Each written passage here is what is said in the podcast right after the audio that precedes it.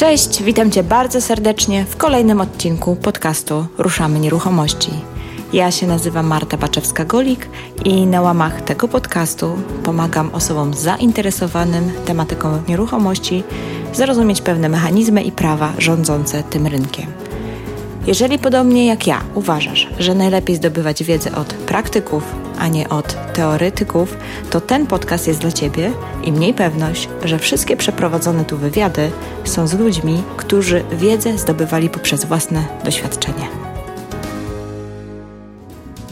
Cześć, witam Cię bardzo serdecznie w 29 odcinku Ruszamy Nieruchomości. Jeżeli słuchasz mnie już po raz kolejny, to pewnie wiesz, że należę do osób, które wyznają zasadę: kto się nie rozwija, ten się zwija. Mówię to tak pół żartem, pół serio i mam nadzieję, że przeciwnicy wszelkiego rodzaju szkoleń, rozwoju osobistego tutaj mnie nie zhejtują za mocno, ale prawda jest taka, że gdyby nie szkolenia, wiele rzeczy bym w swoim życiu nie zrobiła. Dlatego uzurpuję sobie tak trochę to prawo do takiego stwierdzenia. Jeżeli jesteś ciekawy lub ciekawa, jakie szkolenia mnie interesują, co sprawiło, że zrobiłam krok naprzód, to polecam pobrać skrypt, jaki zamieściłam w odcinku numer 27. Jest to rozmowa z Oskarem na temat social mediów. Znajdziesz go na stronie www.ruszamynieruchomości.pl. Zamieściłam tam całą listę moich szkoleń i nie tylko szkoleń, różnego rodzaju inspiracji, także bardzo bardzo proszę, możesz zobaczyć. Może Ciebie też coś zainteresuje. Ok, dlaczego o tym wszystkim opowiadam? Dlaczego ten wstęp jest e, związany ze szkoleniami i z rozwojem? No, powód jest jeden bo jest to niewątpliwie taka nić, która zdecydowanie łączy mnie i mojego rozmówcę, bo oboje poznaliśmy się w Londynie właśnie na szkoleniu i oboje chodzimy po rynku nieruchomości. Oboje mamy własne biura nieruchomości, ale Daniel poszedł tak jakby krok dalej. Stał się deweloperem i inwestorem. Moi drodzy, mam przyjemność rozmawiać z autorem książki Nowoczesny Inwestor, Danielem Siwcem. I jeżeli poważnie myślisz o inwestowaniu, nie możesz nie wysłuchać tego odcinka tak do końca. Po prostu nie możesz tego zrobić. Czego się dowiesz? Dowiesz się od Daniela, w jaki sposób możesz zrobić swój pierwszy deal bez wysokiego wkładu własnego. Jak wykorzystać e, dźwignię finansową, jak od zera w kilka lat można dojść do pozycji dewelopera i inwestora, nawet w bardzo młodym wieku. Jest to historia samego Daniela, on trochę się nią podzieli, ponieważ zaczął w wieku, gdy miał 22 lata, więc jeżeli mnie słuchasz i jesteś e, równie młody, to, to koniecznie, koniecznie posłuchaj, co ma Daniel do powiedzenia. Na zakończenie będzie mała niespodzianka. Opowiem o niej na sam koniec, dlatego koniecznie wysłuchaj jeszcze tych ostatnich kilku minut po, po tym, jak zakończymy rozmowę z Danielem, żebyś y, zobaczył lub zobaczyła, co to za niespodzianka czeka. A zatem przejdźmy do rozmowy.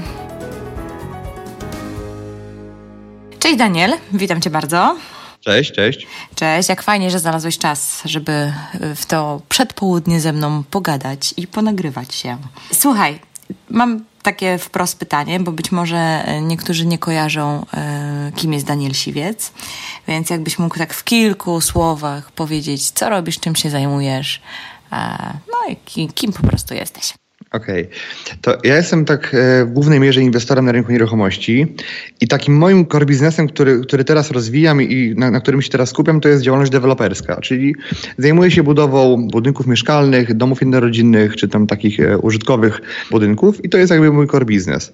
No poza tym też mam swoje biuro nieruchomości, które mm, pomaga mi te nieruchomości upłynniać bądź jakby kupować. Zajmuję się też jakby zorganizowany flipami, czyli kupowaniem nieruchomości lokalowych, mieszkalnych z rynku wtórnego i później ich sprzedawanie z zyskiem. Poza tym jeszcze generalnie mam kilka innych biznesów, między innymi startup technologiczny, gdzie budujemy porównywarkę dla części motoryzacyjnych. Jestem też autorem książki Nowoczesny Inwestor, którą e, w tym miesiącu mm, wydałem i miała swoją premierę. I w tej książce piszę również o inwestowaniu. Super. Mm, Daniele, po prostu jak ciebie słucham, to się zastanawiam, kiedy ty śpisz. No, są takie godziny, kiedy, kiedy śpię, bo muszę spać. Robię tego dużo, jednakże jakby staram się coraz bardziej podnosić swoją efektywność, czyli jakby nie więcej pracować, ale bardziej efektywniej. Mhm. Jasne. Jasne. Dobra, czyli tak, na dzień dzisiejszy głównie deweloperka, to jest twój core biznesu. Tak. To jest mój core, ponieważ ten biznes można skalować i tutaj mm, w przypadku flipów mm, mój rynek lokalny, bo ja jestem z Lublina, nie jestem w stanie go generalnie mm, skalować w postaci tego, że nie jestem w stanie kupować odpowiedniej ilości mieszkań, żeby e, zwiększać e, swój biznes. W przypadku deweloperki to, to, to mogę kupić coraz większą działkę, coraz więcej wykreować lokali mieszkalnych i, i zarobić na tym więcej. Okej, okay, ale domyślam się, że od razu deweloperem się nie stałeś. Nie, no nie stałem się, mo można powiedzieć, że zaczynałem od zera, bo jeszcze 7 lat temu pracowałem na etacie i w pewnym momencie postanowiłem rzucić tą pracę i postawić wszystko na jedną kartę i zainwestować w nieruchomości. Nie było tak od razu, że, że byłem deweloperem, nie wyśniło mi się to. Okej, okay. ale zaczynałeś jako, y, co, zaczęłeś robić flipy, czy jakie były twoje pierwsze kroki? Tak, no dobrą sprawę to, to ja sobie wyczytałem w książce, że, że od zawsze chciałem mieć biznes. Tak jakby już wybierając szkołę średnią, wybierałem ją pod kątem tego, że ona mi pomoże mm, budować swój biznes i poszedłem do ekonomika. E, I to był bardzo dobry wybór. I generalnie w wieku 22 lat, kiedy miałem fajną pracę, byłem handlowcem, miałem samochód, e, etat, stałą umowę, zrozumiałem, że niezależnie jak się będę piął w tej karierze i jakie będę stanowiska zdobywał, to zawsze będę miał kogoś nad sobą, kto będzie mi mówił, co mam robić, ile mam pracować, jak długo mam pracować, pracować, ile będę zarabiał.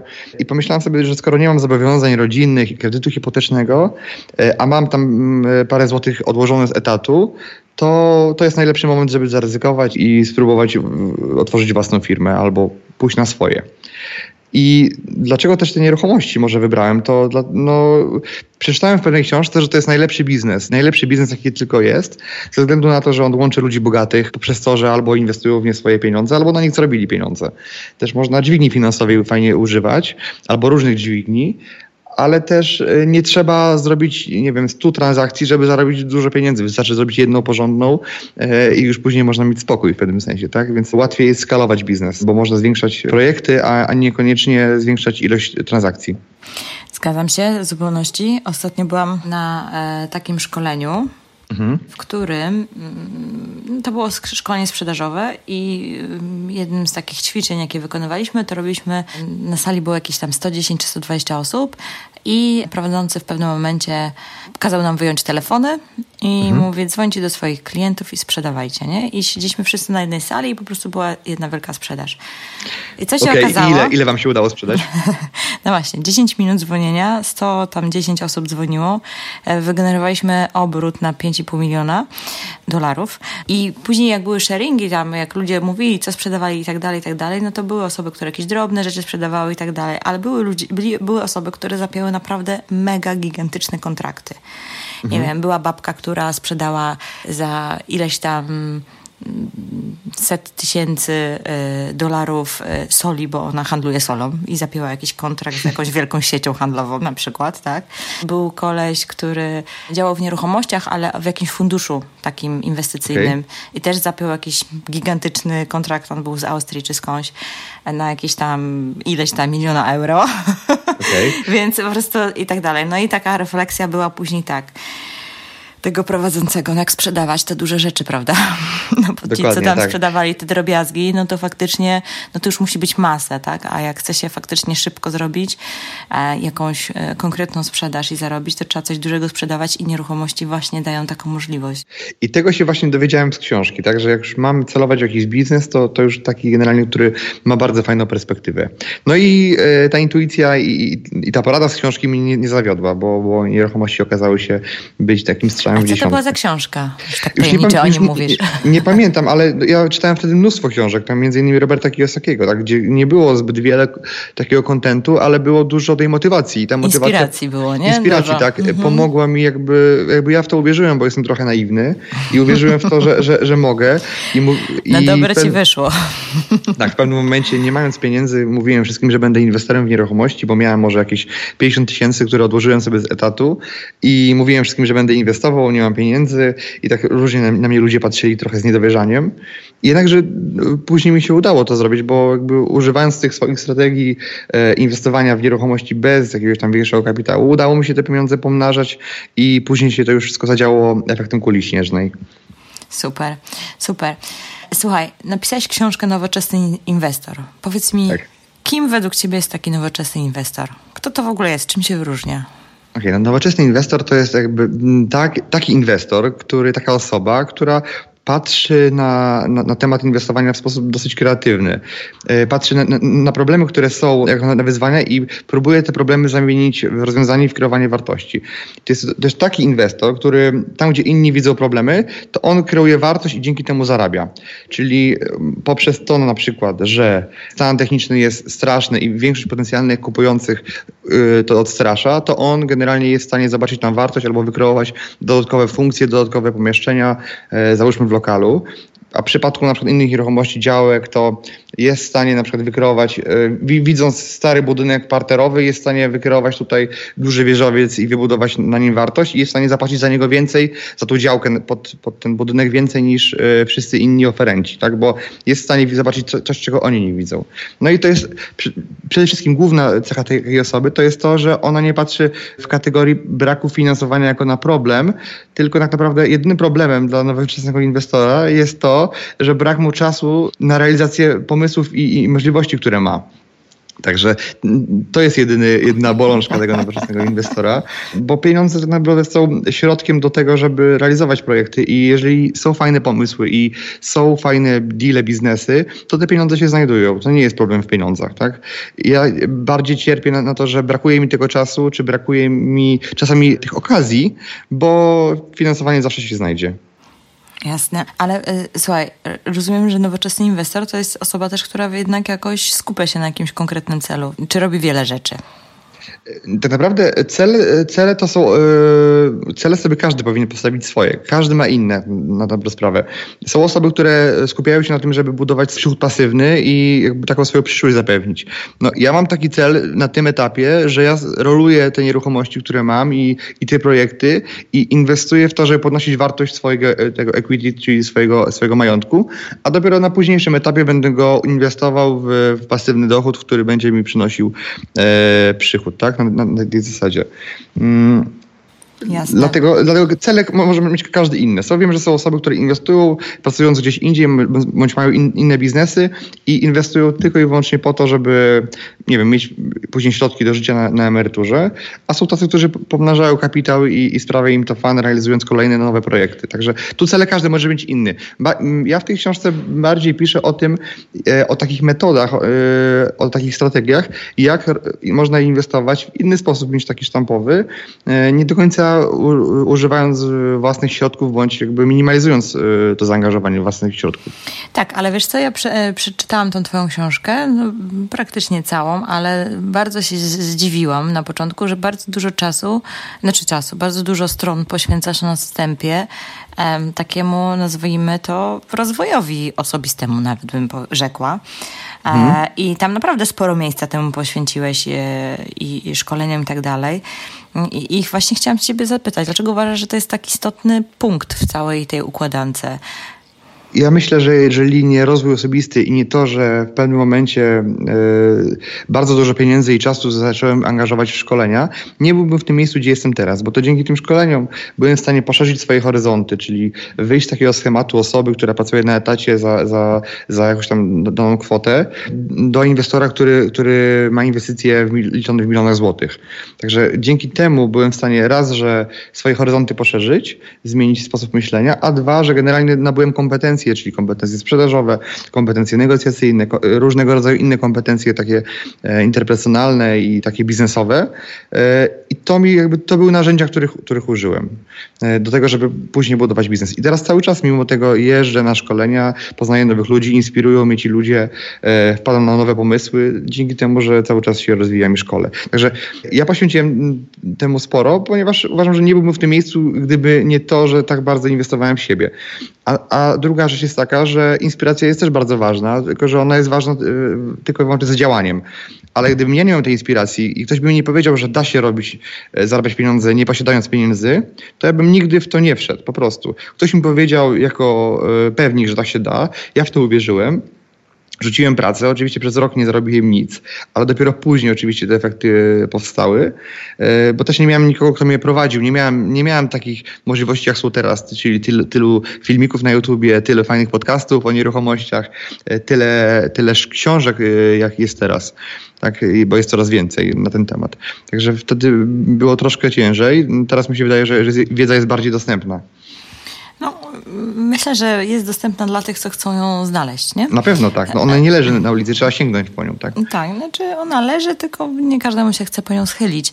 Tak. E, a powiedz mi, a czy masz jakiś taki, może ci przychodzi do głowy przykład e, czegoś, co ewidentnie wyciągnąłeś z jakiegoś szkolenia, przyszedłeś, przyjechałeś do domu na swojej pracy, wcieliłeś w życie, wdrożyłeś i bach, i, i, i z tego był super interes? No, tak. No, kiedyś byłem na, na szkoleniu, gdzie na, największą wartością, którą wyciągnąłem z tego szkolenia, było to, że poznałem tam fajnego inwestora i w kuluarach, tak na dobrą sprawę, już po szkoleniu, zaczęliśmy rozmawiać na temat tego, kto jak inwestuje i w pewnym sensie to, to była inspiracja na przykład dla mnie i ja na podstawie tego wróciłem do, do siebie i za, zaprojektowałem nowy biznes, tak, kolejny z projektów deweloperskich, gdzie, gdzie być może gdybym nie wyjechał na to szkolenie, to bym nikt na to nie wpadł. Więc e, chodzi ci o konkretne rzeczy, tak? A, tak, ale tutaj z tego, co mówisz, to też jest ciekawe, bo czasami się jedzie na szkolenie po to, żeby tak naprawdę wyciągnąć wiedzę od uczestników, a nie od szkoleniowca.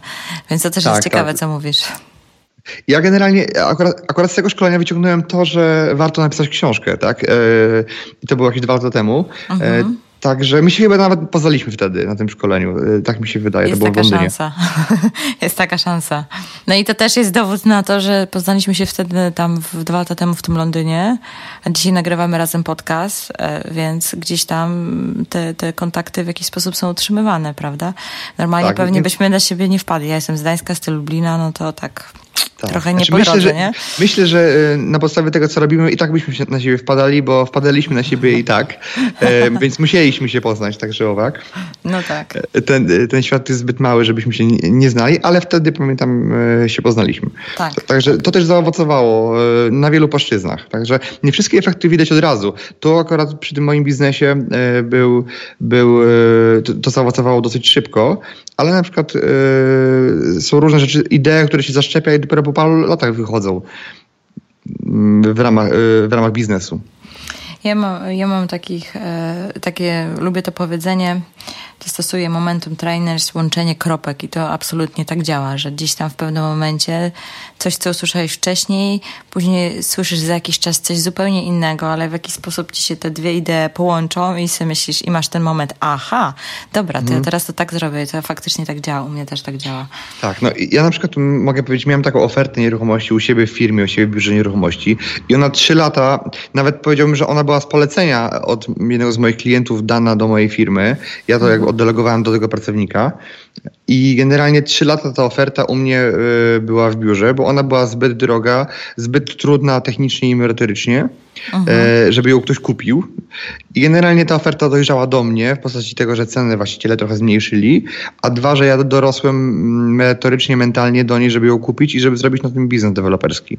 Po prostu, czyli e, w pewnym sensie ja trzy lata wcześniej jeszcze nie byłem zainteresowany tak, żeby to zrobić, bo jeszcze nie miałem odpowiedniej wiedzy, know-how do tego, jak to można e, a dopiero później to do mnie przyszło, mimo tego, że to już było u mnie w mojej ofercie, w mojej firmie, tak, ta, ta oferta, bo to była bardzo trudna oferta z problemami technicznymi.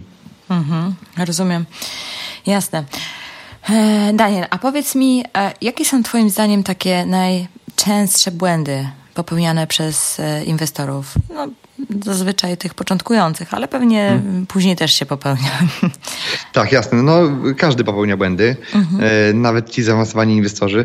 To ci początkujący bardzo często chcą skupić jakąś nieruchomość, patrzą na nią przez pryzmat własnych potrzeb. Czyli na przykład, taki klasyczny przykład, że ktoś kupuje mieszkanie na wynajem i myśli o tym mieszkaniu w kategorii tego, w jakim sam chciałby mieszkać. Czyli jeżeli teraz mieszka w kawalerce, no to myśli, że każdy by chciał mieszkać w kawalerce. Jeżeli teraz mieszka w willi, w, w domu, 400-metrowym, to uważa, że to jest najlepszy segment do tego, żeby mieszkać. Czyli patrzy na, na pryzmat potrzeb najemcy przez pryzmat własnych potrzeb.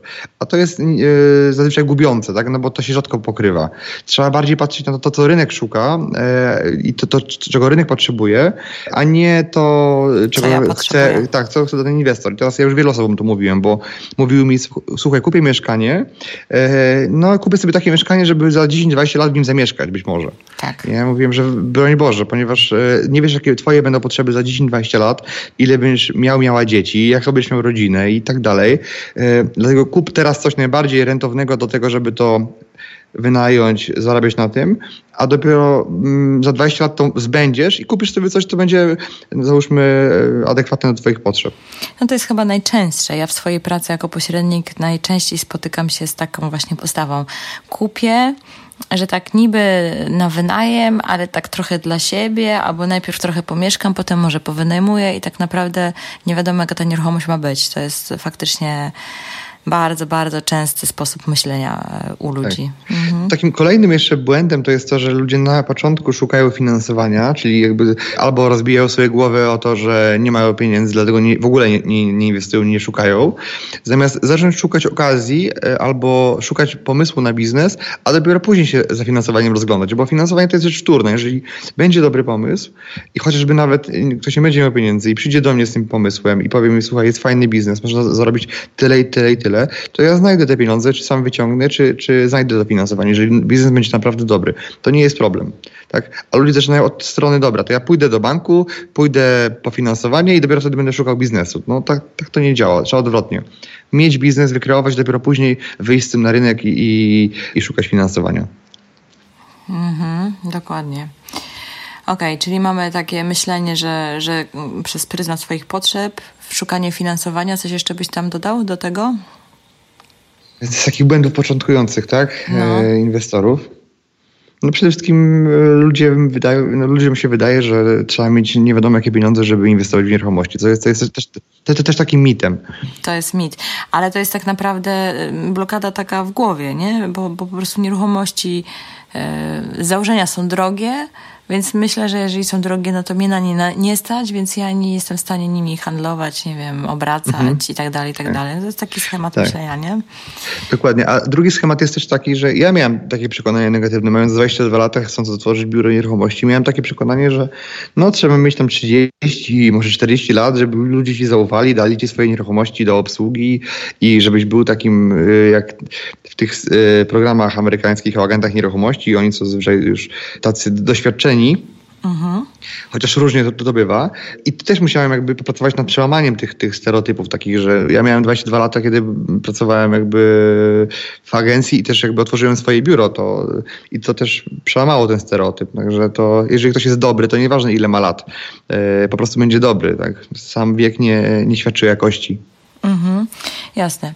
Okej, okay, ale skoro mówiliśmy dużo o tym kapitale, to um, wiem, że tam w książce masz też różne takie sposoby ograniczania um, kapitału, znaczy zaangażowania kapitału.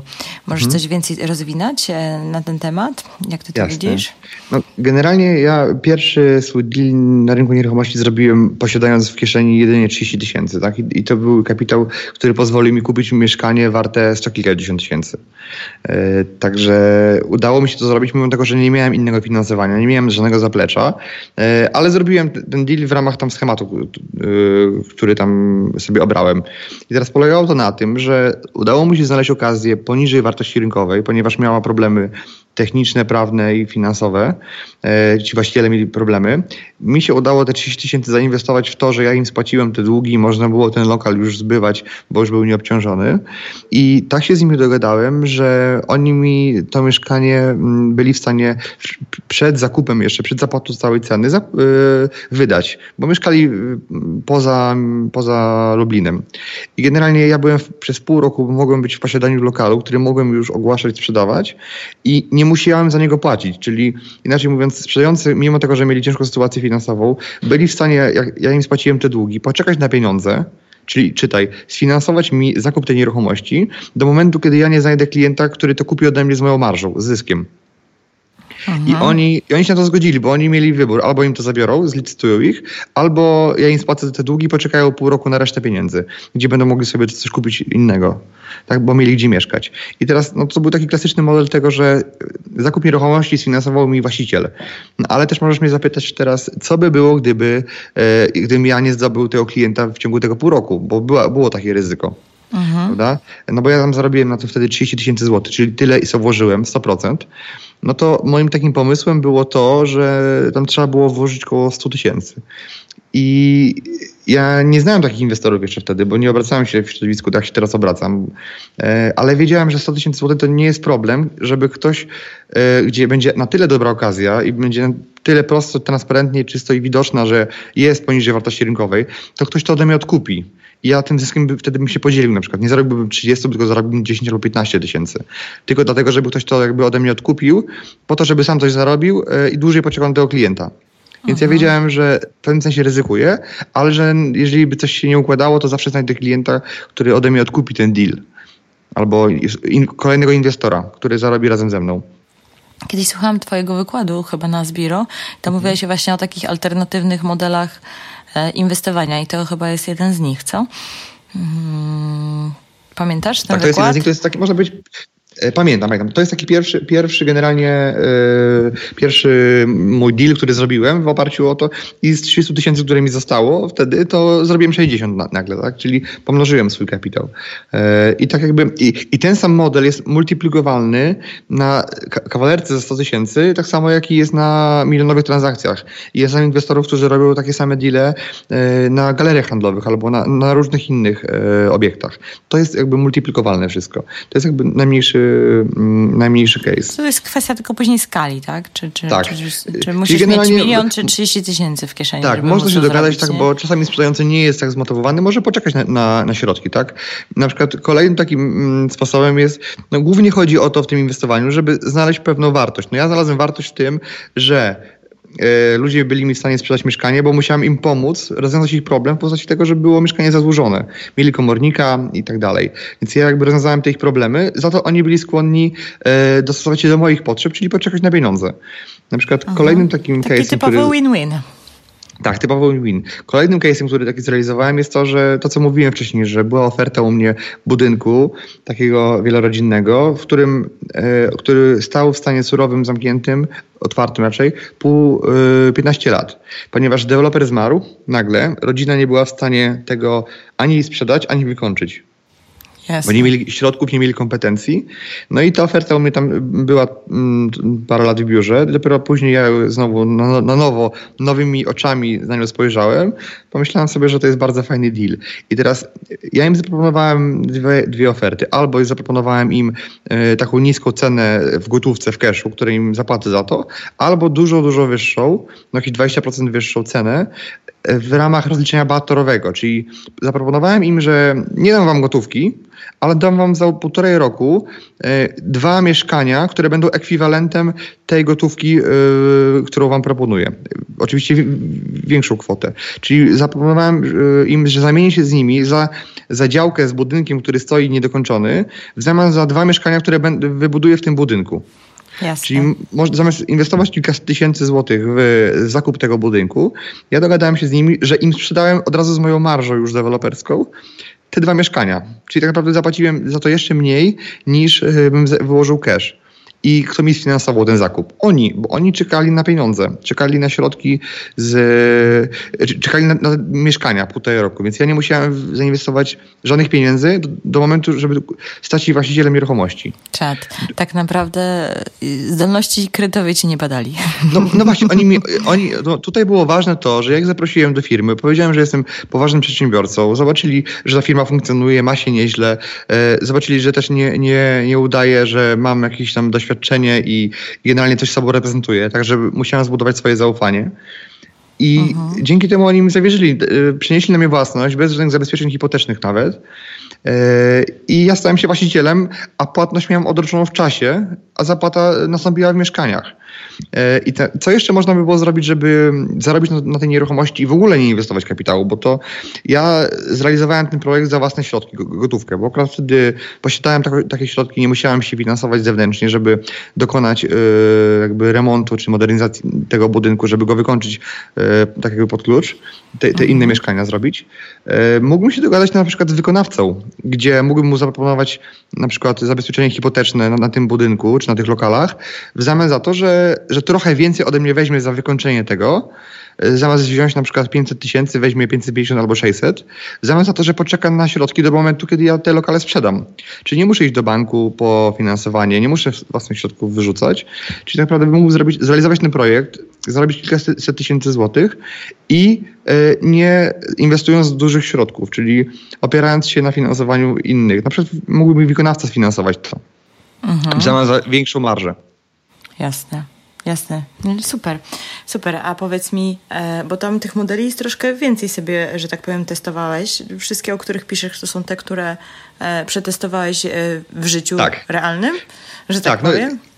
Jest, jest, jeszcze, jest jeszcze kilka innych. Na przykład ja zawsze staram się używać tych modeli, chociaż jak się chce robić dużo transakcji, dużą skalę i działać, działać na wielu płaszczyznach, to nie zawsze da się w każdej transakcji zaaplikować yy, każdy model.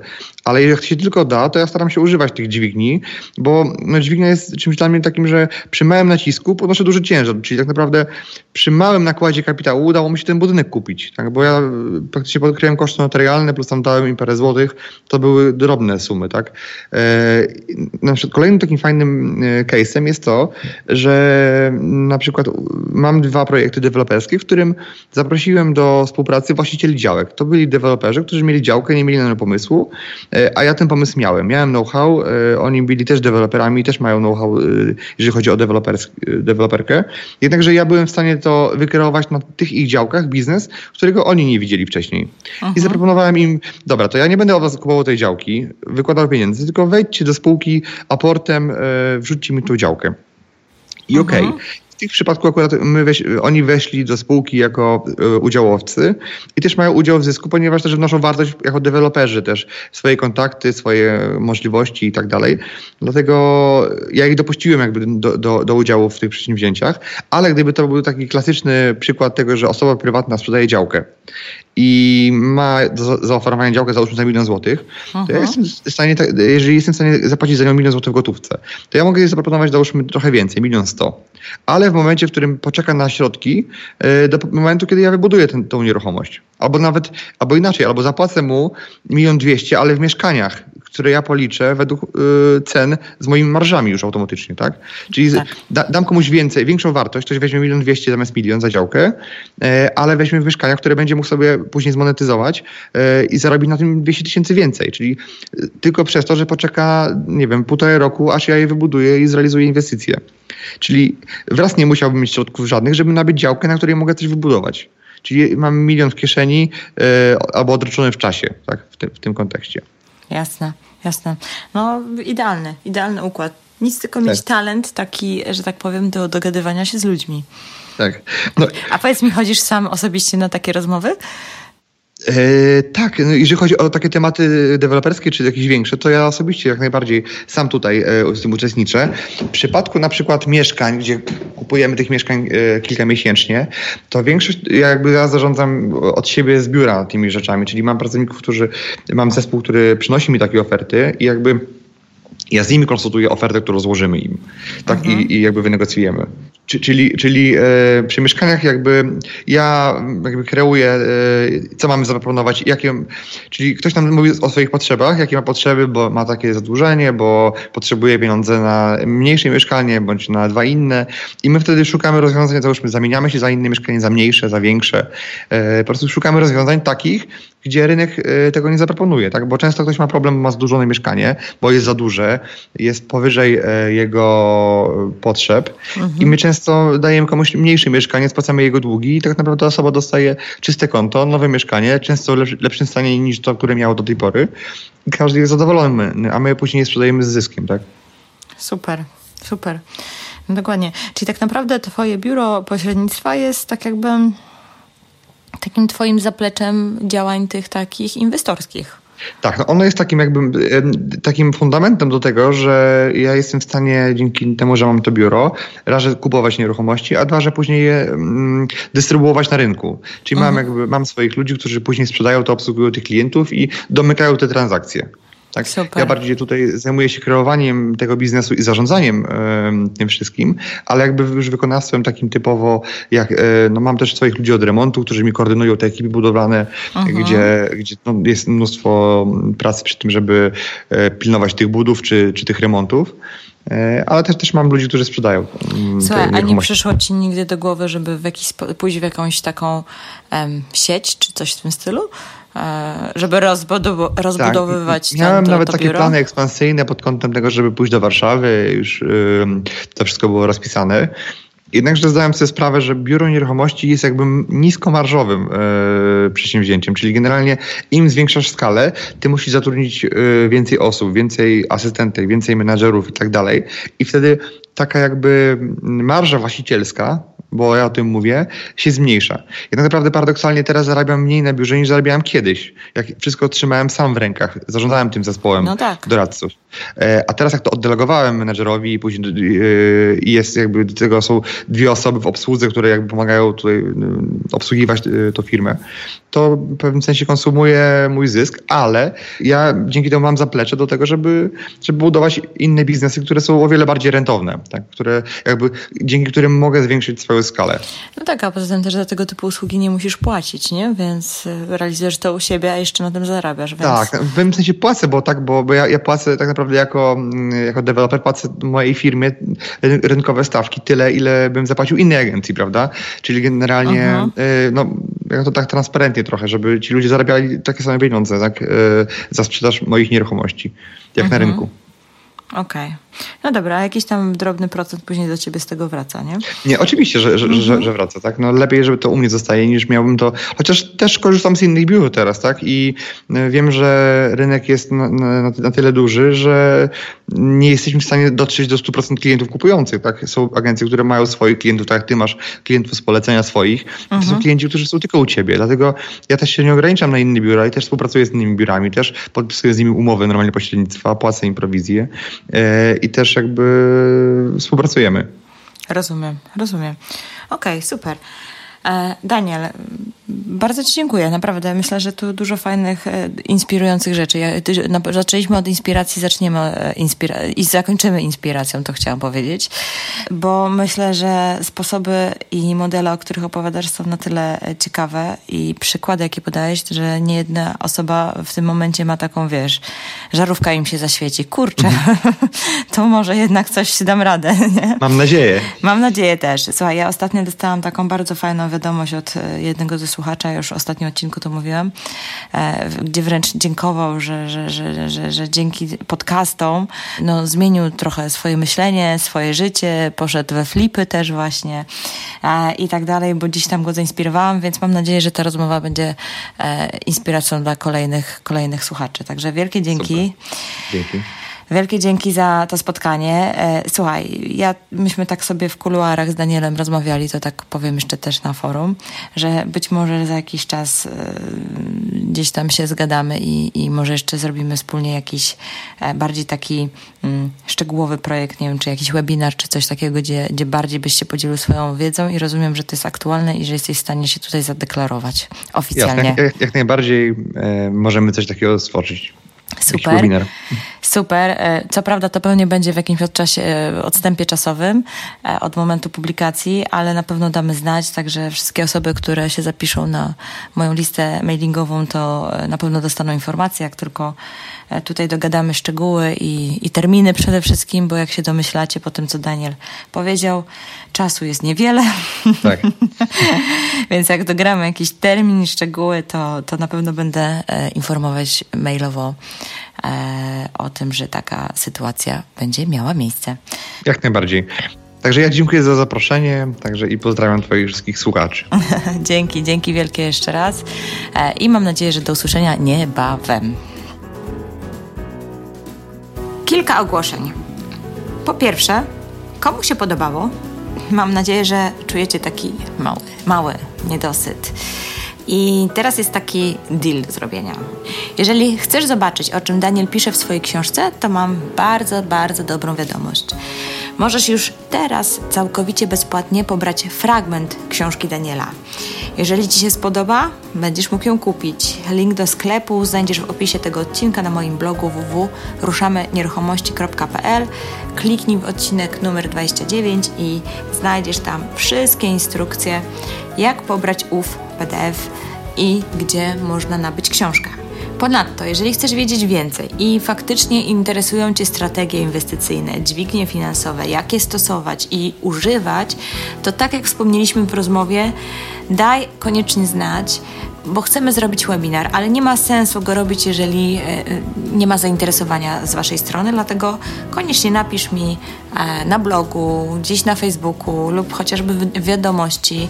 Po prostu napisz czego byś oczekiwał lub oczekiwała, jakie, jakie ci się pytania rodzą, wówczas na pewno coś zorganizujemy z Danielem i postaramy się odpowiedzieć na te Wasze wszystkie pytania. Na koniec tylko dodam dla osób, które być może po raz pierwszy trafiły na ten podcast. Są różne sposoby jego subskrypcji. Jeżeli interesuje Cię tematyka nieruchomości, możesz zasubskrybować podcast w różnych platformach do słuchania podcastów. A jeżeli masz iPhone'a, to jest tam taka fabryczna aplikacja, nazywa się Podcast. Ona jest e, no, sterowana przez iTunes. Podcast Addicted, Stitcher Radio, SoundCloud i pewnie jeszcze jest wiele innych, o których nawet nie wiem ale tam wszędzie powinien znajdować się mój podcast również, dlatego możesz wejść na taką aplikację, wyszukać podcast Ruszamy Nieruchomości i po prostu kliknąć subskrybuj.